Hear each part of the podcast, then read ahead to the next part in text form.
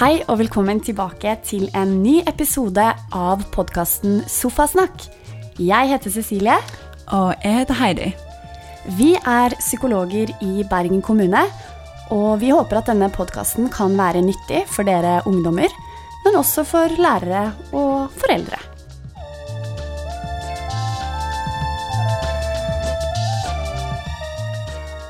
I dag så er temaet indre kritikeren, og har kalt det å være selvkritisk, eller sabotøren, eller styggen på ryggen.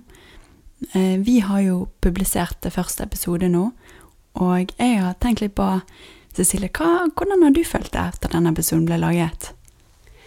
Hvis jeg skal være ærlig, Heidi, så eh, ja. Eh, Jeg har hørt denne episoden et par ganger, og det er rart med det, istedenfor å fokusere på det som Ja, det vi snakket om som var viktig, og at dette her var gøy, så, så begynte jeg fort å tenke på ja, hvordan er det stemmen min hør, ja, høres ut? Eh, Var det for lang pustepause? Var det for kort? Altså, med en gang så fikk jeg den der innstillingen. Jeg merket det, at den var der. Noe var der. Det var disse tankene om hva jeg burde gjort bedre. Eh, ja. Det er jo veldig rart, for når jeg hørte på den, så hørte jo jeg hvor flink du var, Cecilie. Og så hørte jeg hva ord var det jeg valgte der, og så tenkte jeg åh, jeg skulle ønske jeg var like flink som Cecilie.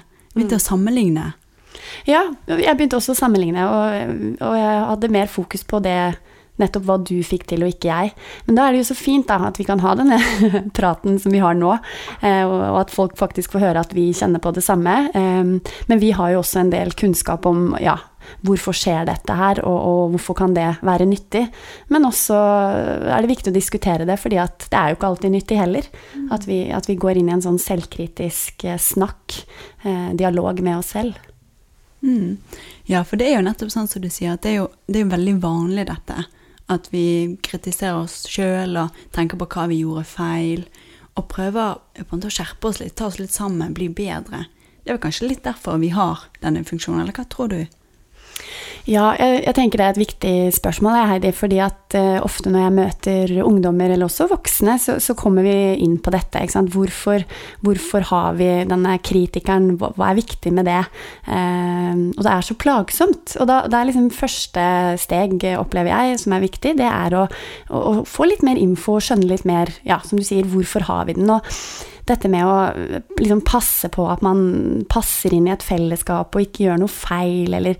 Det, å, det å høre til, det er, det er viktig uansett om man er barn, ungdom eller voksen, og, og nettopp denne da eh, korrigeringen, at vi liksom ikke er til bry eller gjør noe feil, det er nettopp for å passe på at vi kan være godt likt, men, men så er jo spørsmålet, blir vi bedre likt eh, hvis vi holder på sånn?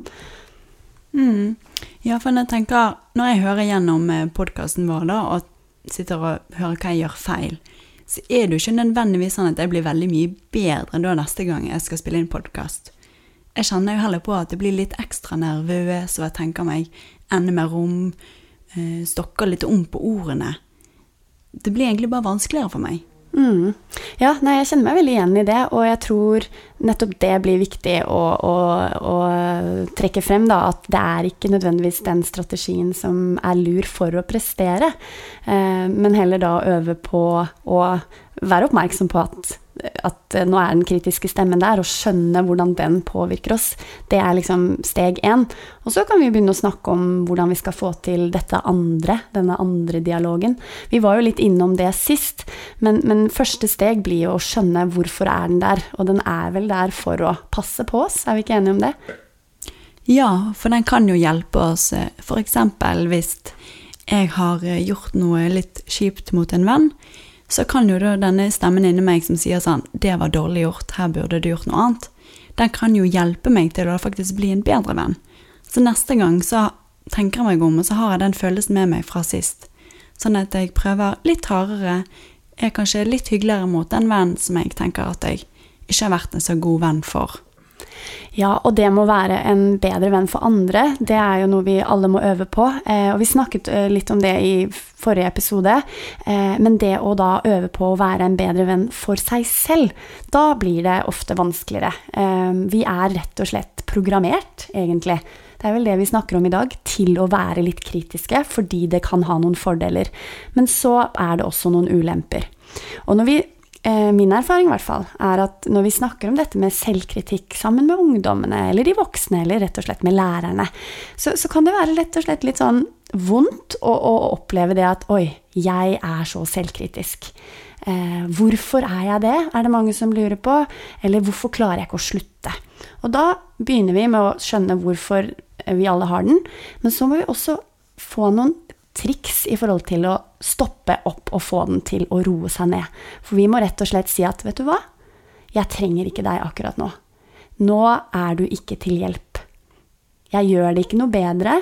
Jeg får ikke lagt merke til det gode jeg gjør, eller den jeg er, når du eh, skal beskytte meg så veldig. La meg få prøve. Dette kan gå bra. Mm, og det var jo det som var så fint nå når jeg og deg snakket om den forrige episoden vår. Eh, og du fortalte at du hadde hørt at jeg hadde gjort noe bra, mens jeg bare hadde hørt det negative med meg sjøl. Og jeg hadde jo på samme måte lagt merke til det du hadde fått til. Og når vi hadde den dialogen, så følte jeg at du åpnet litt øynene mine for det jeg hadde gjort òg. At vi kunne dele litt på det som var det gode i ja, i den samtalen som vi hadde, kanskje. Ja. Nei, men det er jo noe med det at det er ikke alltid det er tid eller rom for å ha liksom, disse samtalene med andre i en travel hverdag. Og vi oppfordrer jo som psykologer til å ha disse samtalene med noen vi er trygge på, og få høre hva vi gjør eh, bra, få høre gode ting om oss selv som ikke handler om hva vi gjør, men bare at vi, vi er ålreite folk. Men, men, vi kan gjøre en egeninnsats, da. Vi må rett og slett trene litt på og roe ned kritikeren vår, og så må vi trene på å åpne opp for disse gode innspillene. Dette andre, denne andre samtalen som, eh, som vi kaller for eh, ja, hva kan vi kalle den samtalen? Den gode samtalen, sa vi sist. Eh, et annet begrep er jo selvmedfølelse. Det er jo litt sånn komplisert ord, kanskje. Heidi, hva mm. Det handler jo om å være den, altså, sånn som vi sa sist, den vennen for seg sjøl, eller ha den Være glad i seg sjøl og tenke at man snakker til seg sjøl med empati, medfølelse, kjærlighet. Ja, altså den gode stemmen til seg sjøl. Ja, og så sier vel også forskningen da, på dette med selvmedfølelse at eh, det å være selvmedfølende, eh, det handler vel også om å skjønne at man er ganske lik mange andre på noen måter. Altså at dette med selvkritikk, f.eks., det, det er en innstilling som, som, vi kan ha med oss, men vi må hjelpe hverandre med å skru den av. Det er ikke noe spesifikt for meg jeg, at jeg kan være selvkritisk. Alle har det. Men vi er ulike i forhold til um, hvordan vi takler den. Og jo eldre vi blir, jo flinkere kan vi bli på å håndtere den og sette kritikeren vår litt til side når den ikke er til hjelp lenger. Men Cecilie, kan ikke du fortelle meg litt, når du skal prøve å sette din kritiker til side, eller du hjelper andre med å sette sin til side, hvor, hvor begynner du? Ja, det er jo et veldig godt spørsmål. For meg så handler det vel aller først om å skjønne at den er der. Um, fordi i en travel hverdag så, så, kan jeg nok bli litt lurt. Uh, jeg, jeg, kan nesten Jeg har lest om at den er der, og at vi alle mennesker kan ha denne kritiske stemmen, men jeg glemmer det litt. Sånn at oi, ja, men nå er det vel grunn til å faktisk være misfornøyd, fordi nå har jeg gjort noe gærent. Så det å være oppmerksom på at å, å, nå er jeg i den gaten der, nå er det den innstillingen, det er første, uh, metode, eller første steget.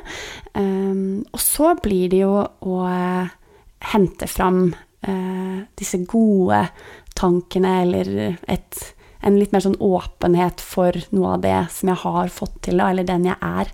Gode erfaringer som jeg har liksom Ja, jeg må rett og slett åpne den kontoen, da. Ja, jeg har faktisk en konto hvor jeg setter inn gode, gode minner. Mm, så jeg henter noe frem, rett og slett. Ja. Så nummer én er på en måte å se det, observere egne tanker. Kanskje skrive det ned, kan det være lurt, bare for å se det litt tydelig? Ja. ja. Og du har kanskje erfaring med det selv også, at det går an, at det funker? Mm, ja. Ok, Så nå skrevet det ned, observert litt de tankene man har. Så er det å prøve å komme inn med de gode tankene. Litt sånn som du sier, de du har i banken eller på en konto der. Mm. Mm.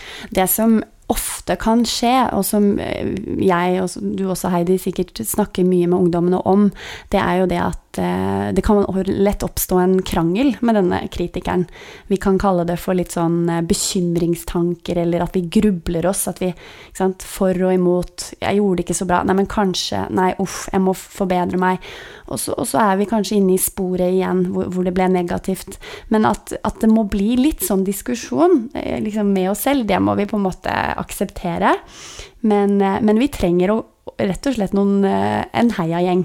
Og vi kan øve på å være vår egen, men jeg tror også at det er viktig å åpne opp for at andre kan ha en effekt på meg.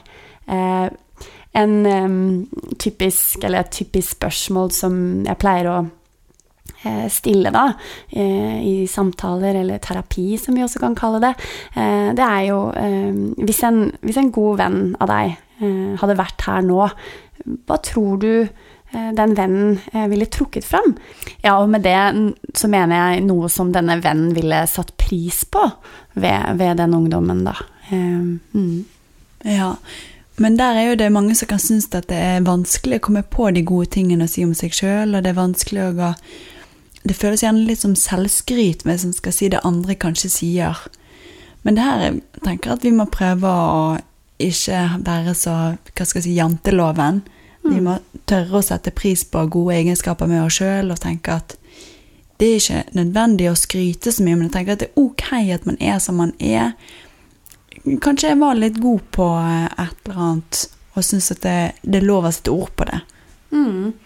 Uh, ja, og egenskaper som man selv har, som, som, Ja, jeg liker ofte å kalle det talenter, jeg. Da blir det veldig tydelig for ungdommene, og så kan de reagere litt på det liksom, Hvorfor kaller du det talent at jeg eh, tør å si hva jeg mener?